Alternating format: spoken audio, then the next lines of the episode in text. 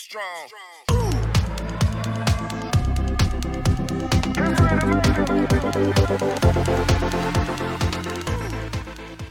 Dorime, interimo ad appare dorime.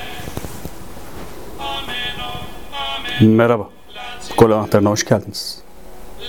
Yazık bu çocuk da kendini böyle deli etti iyice diyorsunuz büyük ihtimalle. Kendini deli edenlerin futbol programı Gol anahtarına bir kez daha hoş geldiniz diyelim. Bir de normal bir şekilde aklını kaybetmemiş bir şekilde. Sürekli dönüp dönüp aynı şeyleri anlatıyormuşum geliyor ama diyorum ya hep futbol gündeminin üzerimize ne atacağına bakalım diye. Futbol gündemi üstümüze aynı şey atıyormuş gibi geliyor veya ben hep aynı yere bakıyorum bilmiyorum.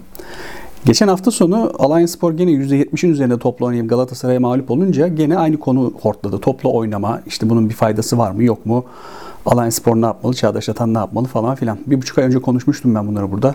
Hatırlıyorsanız e, Avrupa'nın 5 büyük liginde topla oynamayla sonuç arası bir e, korelasyona benzeyen bir şey olduğunu ama bizim ligimizde bunun olmadığını anlatmıştım. E, şimdi yine bunlar konuşuluyor. Konuşulan şeylerden bir diğeri topu rakibi bırakmak diye bir şey var mı?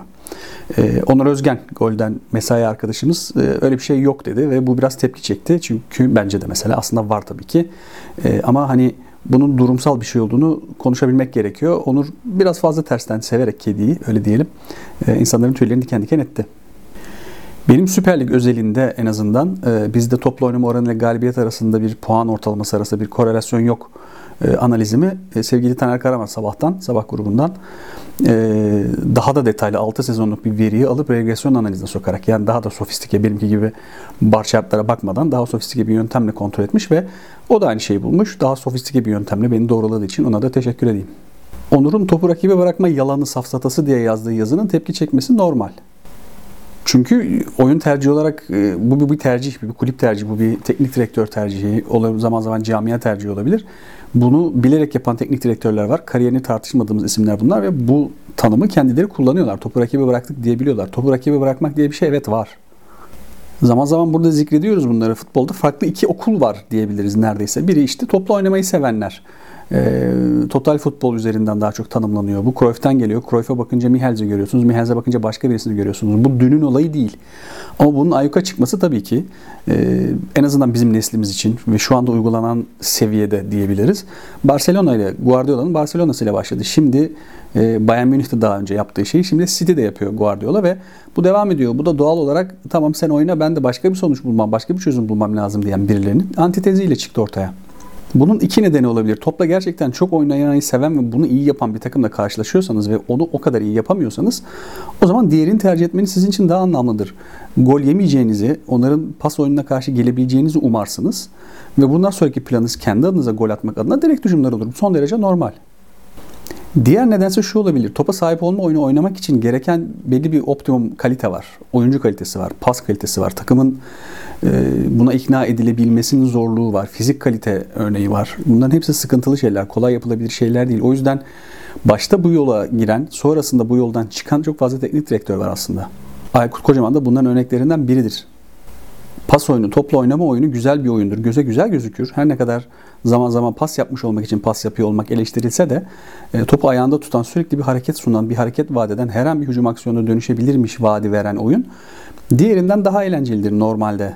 Ancak diğerini çok iyi yapan takımı izlemek de gerçekten çok keyiflidir ki işte gegenpressing'in, karşı hücumun, e, geçiş oyununu çok iyi uygulayan bir takım takımlar var ve bunları izlemekten de keyif alabiliyorsunuz. İş keyif alma noktası geldiğinde zaten konu tamamen subjektif. Biri birini, biri öbürünü sevebilir. Biri her ikisinden de keyif alabilir ki ben onlardanım mesela.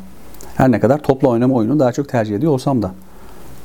Ama gene ligimize dönecek olursak dediğim gibi o kadroyu kurmak, onu çok iyi yapabilecek bir kadroyu yerleştirmek, onu ona ikna edebilmek kolay değil. O yüzden e, özellikle bizim ligimiz gibi teknik direktör rotasyonu zaten çok yüksek olan, daha şimdiden 20'nin üzerinde teknik direktör görevden ayrıldı ligde. E, böyle bir ligde e, sizi görevde tutacak olan şey güzel oyun değildir, skordur. Skor almak için ise şayet kadro kaliteniz belli bir seviyenin üzerine çıkamayacaksa geçiş oyunu tercih etmeniz normaldir. Bundan kimse sizi yargılayamaz. Opta kariyerimden önceki ilaç kariyerimde çok sık denetlemelere giriyorduk biz kalite departmanında olduğum için. E, çeşitli kaliteler, kalite e, otoriteleri diyelim. Sağlık bakanlıkları olabilir. Avrupa Birliği Sağlık Bakanlığı gibi bir şey var. Mesela EU o gelir denetler. Zaman zaman e, hizmet verdiğiniz diğer firmalar gelir denetler. E, bir dönem FDA onayı almak için sürece girdiğimizde bir danışman gelmişti şirkete ve şöyle bir şey söylemişti. Size sorulan sorular hiçbir zaman doğrudan doğruya evet veya hayır demeyin. Özellikle cevabından emin değilsiniz.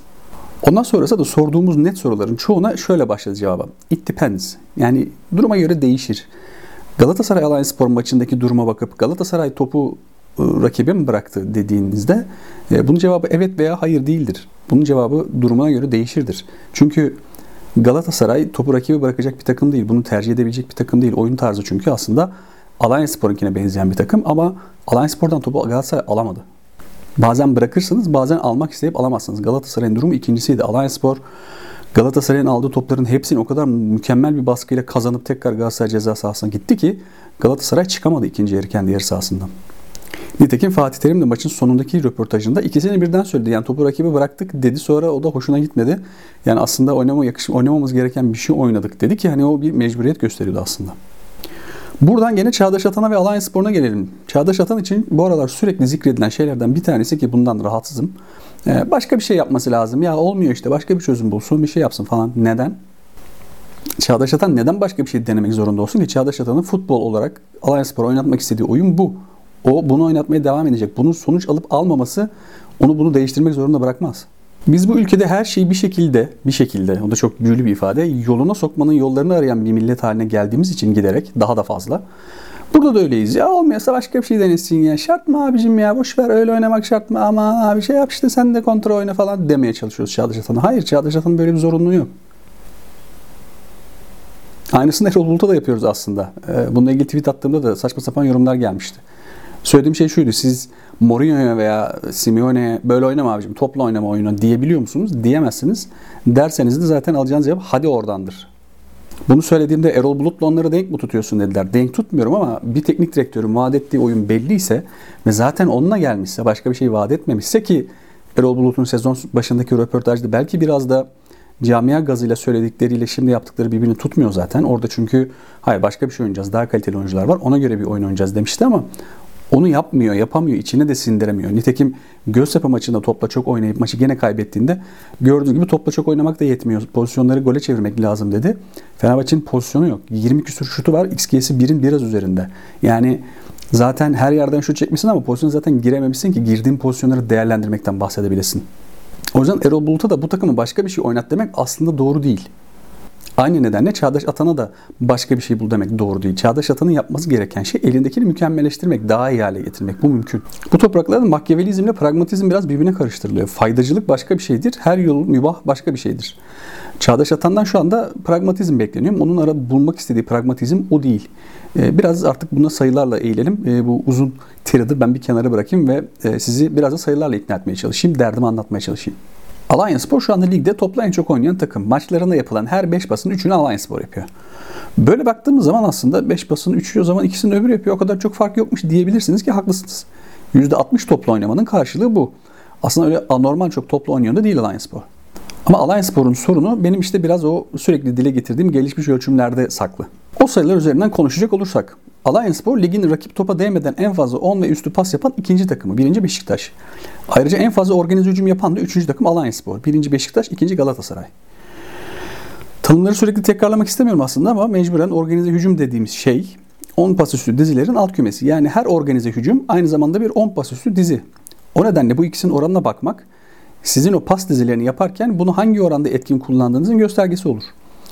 Alliance Spor'un sezon başından beri yaptığı 340 tane 10 pas üstü dizinin sadece 53 tanesi şutla veya rakip ceza sahasında topla buluşmayla bittiği için yani organize hücum olarak tanımlanmaya hak kazandığı için 10 pas üstü dizilerin organize hücuma dönüşme oranı sadece %15.6.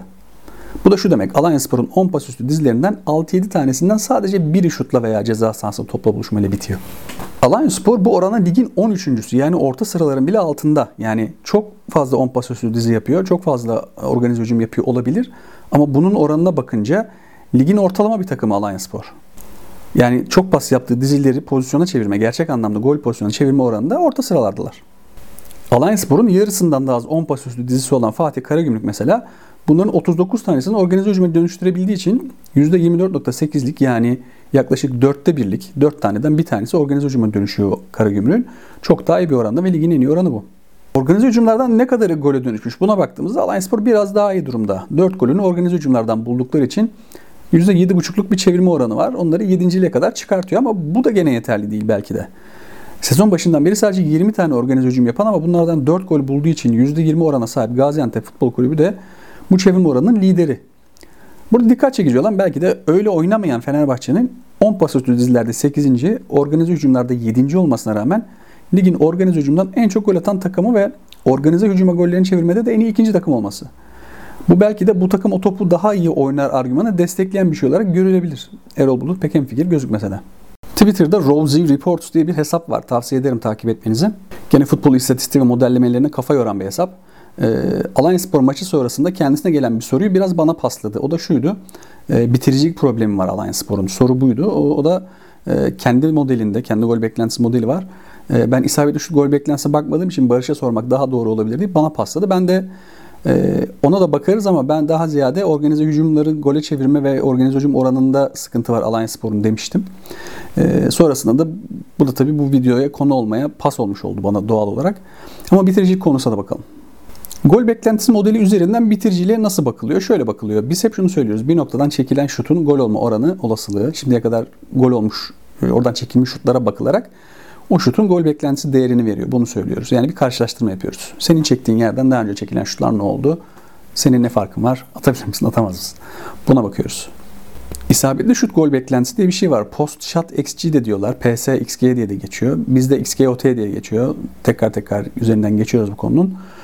Expected goals on target isabetli şutun gol beklentisi. Bu da şu demek. Sizin bir yerden çektiğiniz 100 şutun e, diyelim ki 20 tanesi gol olmuş olsun. Yani sadeleştirirsek oradan çekilen 10 şutun 2 tanesi gol olmuş olsun. O çekilen 10 şutun içinde dağ taşa giden şutlar da var. Engellenen şutlar da var. Bunların çerçeveyi bulmadığı için gol olma olasılığı isabetli olanlara göre daha farklı hesaplanabilir. O yüzden e, isabetli şutlar için de tekrar bakılıyor buna.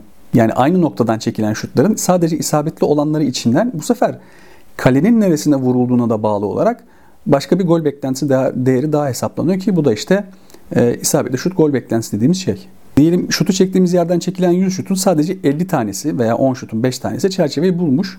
Bu çerçeveyi bulan 5 şuttan da çerçeveyi bulan yerdeki giden topların 3'ü gol olmuşsa o şutun XGOT'si 3 bölü 5'ten 0.6'ya çıkıyor. Yani sizin çektiğiniz yerden e, çektiğiniz şutun gol beklentisi 0.2 iken sizin kale içinde vurduğunuz yeri de işin içine kattığımız zaman 0.6'ya yükselmiş oluyor. Bu da sizi iyi bir bitirici yapıyor. Çünkü oradan dağ taşa vuranların da dışında kalenin içinde vurduğunuz yer de o kadar iyi bir yer ki e, siz o şutun gol olma olasılığını çok daha arttırmış oluyorsunuz ve bu sizi çok daha iyi bir bitirici yapıyor.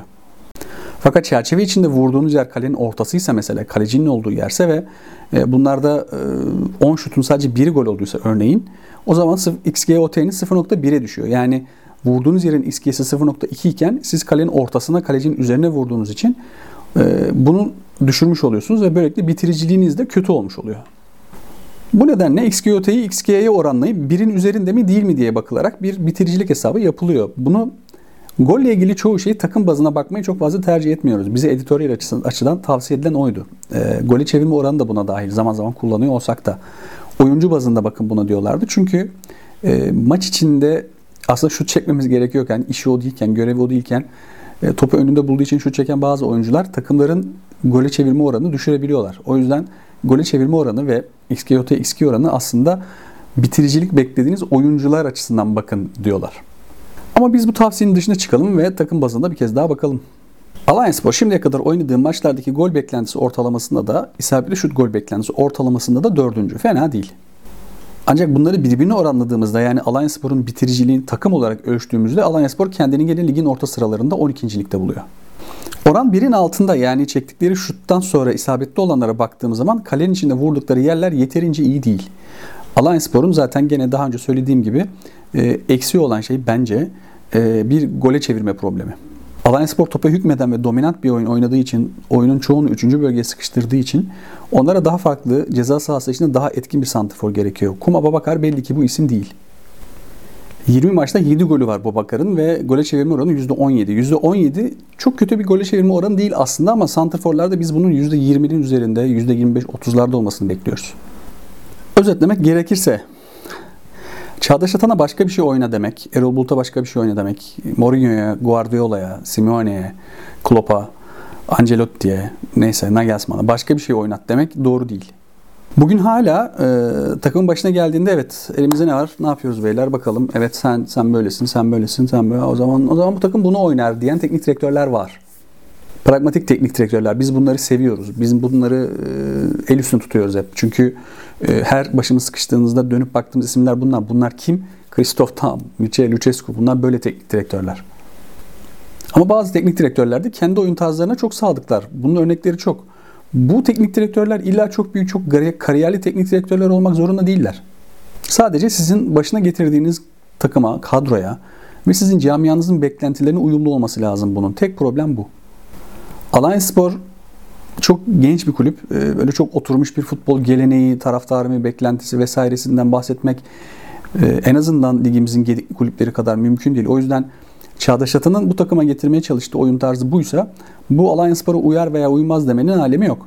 Geçen haftaki hareketli gol beklentisi grafiğinde bakmıştık. Alliance Spor, Mesut Bakkal, Sergen Yalçın, Erol Bulut, Çağdaş Atan sıralamasıyla teknik direktör seçen bir takım. Bu teknik direktörler çok fazla birbirine benzeyen teknik direktörler değiller. O yüzden zaten Alliance Spor'da bir arayış içerisinde. Şu anda oyun açısından aradıkları şey bence bulmuş gözüküyorlar. Tek yapmaları gereken küçük ayarlamalarla Çağdaş Atan'ın bu oyununun bitiriciliğini de arttırmak.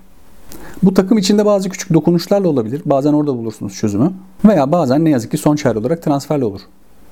Alanyaspor'un Bakasetas'ı Trabzonspor'a kaybetmiş olması onlar açısından bir dezavantaj evet ama e, o rolü şu anda Salih üstlenmiş gözüküyor ve gayet de iyi oynuyor orayı ama onda sezon sonunda sözleşmesi bitiyor ve e, transfer olması dedikoduları var. O zaman Alanyaspor'un oraya hem yaratan hem pası hem belki de şutu ve golü olan bir oyuncu bulmak. Bakasetas gibi.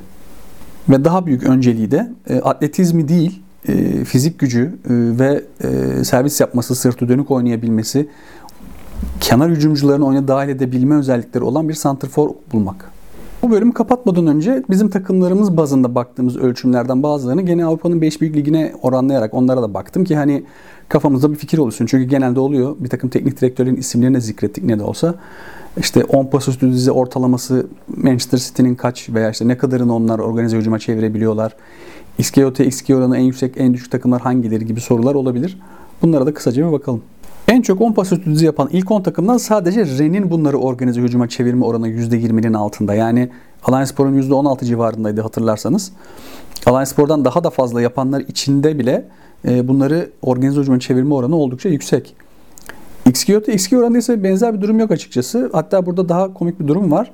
Elche, Granada ve Werder Bremen en yüksek 3 takım. Birin üzerinde olan. Bu takımların hepsinin kendi liglerinde orta sıra orta sıraların altında olması e, bu takımların iyi bitirici olmalarını çok fazla skora yansımadığını gösteriyor ama bir yana da baktığımızda zaten e, XG'leri çok yüksek değil. Yani bunlar zaten az şut deniyorlar ama denediler mi doğru yere vuruyorlar demek ki. Bu da iyi bir şey. Ee, ancak işte bu eğer oyuncu kalitesi kaynaklı olarak düşünecek olursak şut sayısını arttırırlarsa bu oranın altına düşme olasılıkları da yok değil. Biraz da Trabzonspor Fenerbahçe maçından konuşalım ve kapatalım konuyu. E, hafta sonu pazar günü Trabzon'da Trabzonspor Fenerbahçe'yi ağırlayacak. Hafta sonunun en önemli maçı bu ligde.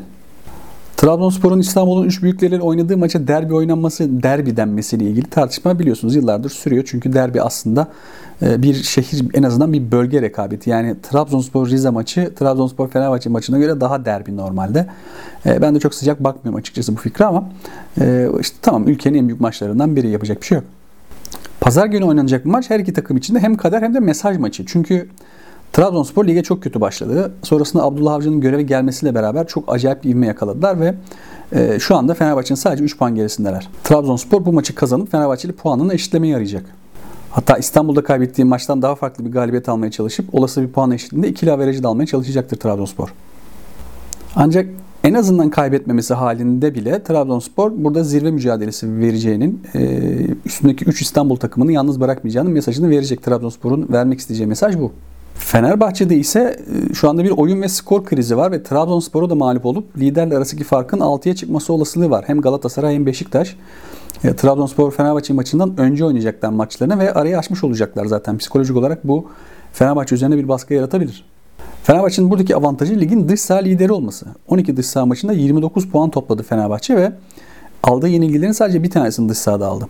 Yine Erol Bulut'un eleştirilen oyun tarzı bir deplasman takımı oyununa daha yakın. Trabzonspor'un da gene iç saha performansı onlar da 22 puan aldılar ve onların da 4 mağlubiyetlerinin e, sadece bir tanesi dış sahada. Ancak 4 iç saha yenilgisi sadece bir tanesi Abdullah Avcı döneminde geldi. Öncesi Eddie Newton döneminden miras kaldı. İki takımı temel birkaç istatistik kaleminde karşılaştıracak olursak iki takım da e, çıkan manzaraya göre oyun oynama oranı yakınlar ama Trabzonspor'un yine de biraz daha pasa dayalı oyun tercih ettiğini görüyoruz.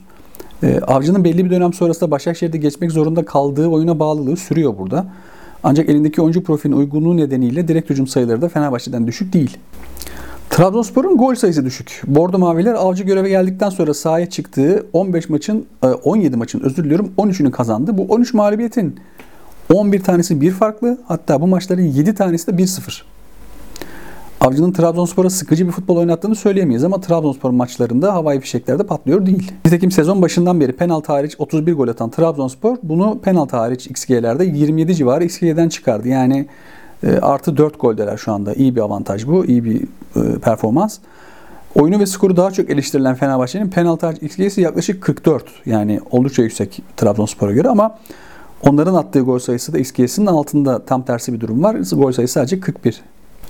Bu iki takımın kalesinde şu anda belki de e, yerli oyuncu havuzunun en iyi iki kalecisi, yerli kalecisi duruyor. Uğurcan ve Altay henüz A milli takım seviyesinde formayı kapabilmiş değiller ama e, milli takımın şu anda yakaladığı jenerasyonda savunma bloğu ile beraber belki de söylemek gerekiyor. E, en kafamızın rahat olduğu mevki kale. Ki Uğurcan ve Altay'ın arkasında da daha başka kaleciler var. İrfancan vesaire. Bu iki kalecinin kaleylerini bulan şutlar üzerinden yine bir kalecilik performansına bakalım.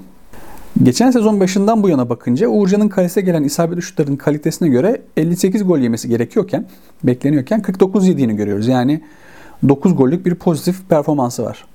Sadece bu sezona baktığımızda ise 22 iskiyoteden 17 gol yemiş ve gene 5 gollük bir pozitif performans sergilemiş durumda. Altay'ın 2 sezonluk performansına baktığımızda ise 64 iskiyoteden 58 gol yemiş. O da artı 6 gollük bir pozitif performans sergilemiş durumda. Bu sezonsa 25 XGOT'den 20 golle artı 5. Altay'ın hem iki sezon toplamında hem bu sezon özelinde kalesinden daha yüksek XGOT görmüş olması ise Fenerbahçe'nin bir türlü istenen seviyeye gelmeyen savunma performansına yorulabilir.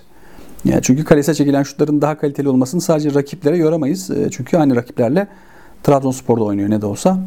E, o yüzden e, Fenerbahçe kalesine çekilen şutlar daha fazla tehdit yaratıyor Trabzonspor maçlarında rakiplerin çektiği şutlara göre. Bu ölçümün bir kez daha sadece çizgi kaleciliği, kurtarış kaleciliği ölçtüğünü belirtelim. Yan topları veya e, Mustara örneğinde sık sık dile getirdiğimiz gibi eyvah Mustara deyip rakiplerin daha zor yerlere vurup dışarı atmaya çalıştığı, dışarı attığı şutları ölçmüyor. Yani işin içinde psikolojik etken yok. Bütün bunlara ve iki takımın son sıralarda yakaladığı ivmelere, psikolojilere, ortamlara bakınca Trabzonspor maçta tabii ki favori. Maç her ne kadar seyircisiz oynanacak olsa da Trabzon bu ülkenin en zor deplasmanı. Fenerbahçe'de oynanan oyuna oyuncuların bağlılığı, buna ikna olmuş durum olma durumları ve e, maç içinde stresle baş etme şekilleri şu ana kadar çok fazla parlak değil. Trabzonspor demin de söylediğim gibi şu ana kadar yakaladığı ivme üzerinden Fenerbahçe'yi yenilmediği takdirde beraberlikte bile e, çok da üzgün ayrılmayacaktır sahadan. Ancak Trabzon tarafında da işin şöyle stresli bir tarafı var. Abdullah Avcı bu kasket hareketleri vesaireyle iyi sonuçlarla beraber geldiği zaman her türlü PR mutlaka karşılık bulur kamuoyunda. Şu anda e, bu kasket esprisi de yolunda gidiyor Trabzonspor açısından. Abdullah Avcı'dan memnunlar. E, hatta işte yani sezon başında Bein Sports'ta beraber çalışma imkanı da yakaladık kısa bir sürede olsa. E, ben Abdullah Avcı'nın Trabzonspor'da mevcut kadroda e, istediği oyunu oynatmakta zorlanacağını düşünüyordum. Kendisine de söylemiştim bunu. Ama e, devre arasına kadar oldukça iyi geldiği gibi sonrası zaten yapılan transferlerle de e, o oyunu daha iyi oynamaya müsait bir hale geldi Trabzonspor kadrosu ve bunu oynuyorlar. Ancak e, Trabzonspor camiası, Trabzon şehri için Fenerbahçe maçları hep ekstra bir anlam içerir. Şayet Abdullah Avcı takımı ve kendisini bu stresten uzak tutmayı başarabilirse zaten burada sonuç almaları demin de söylediğim gibi ivmelere bakınca, takımların gidişatlarına bakınca daha olası. Ancak e, kazara e, Fenerbahçe Trabzonspor'u mağlup ederse Trabzon'da e, Trabzonspor için, Abdullah Avcı için bu birdenbire her şeyin terse dönmesine de yol açabilir. Çünkü Trabzon e, bildiğimiz kadarıyla en azından İstanbul'dan gözüktüğü kadarıyla diyelim böyle bir şehir, böyle bir atmosferi var. Takıma bakış açıları, e, teknik direktörlerine bakış açıları e, ve Fenerbahçe'ye bakış açıları böyle. Genelde pek yerini bulmuyor ama gene temennimizi tekrarlayalım. Maç bitip televizyonu kapattığımızda çok iyi maç oldu diyeceğimiz, aklımıza hakemin belki daha sonra geleceği, mümkünse hiç gelmeyeceği bir maç olsun. Keyif alalım. Evet, bir gol antreninin daha sonuna geldik. Haftaya tekrar görüşmek üzere. Kendinize iyi bakın. Strong.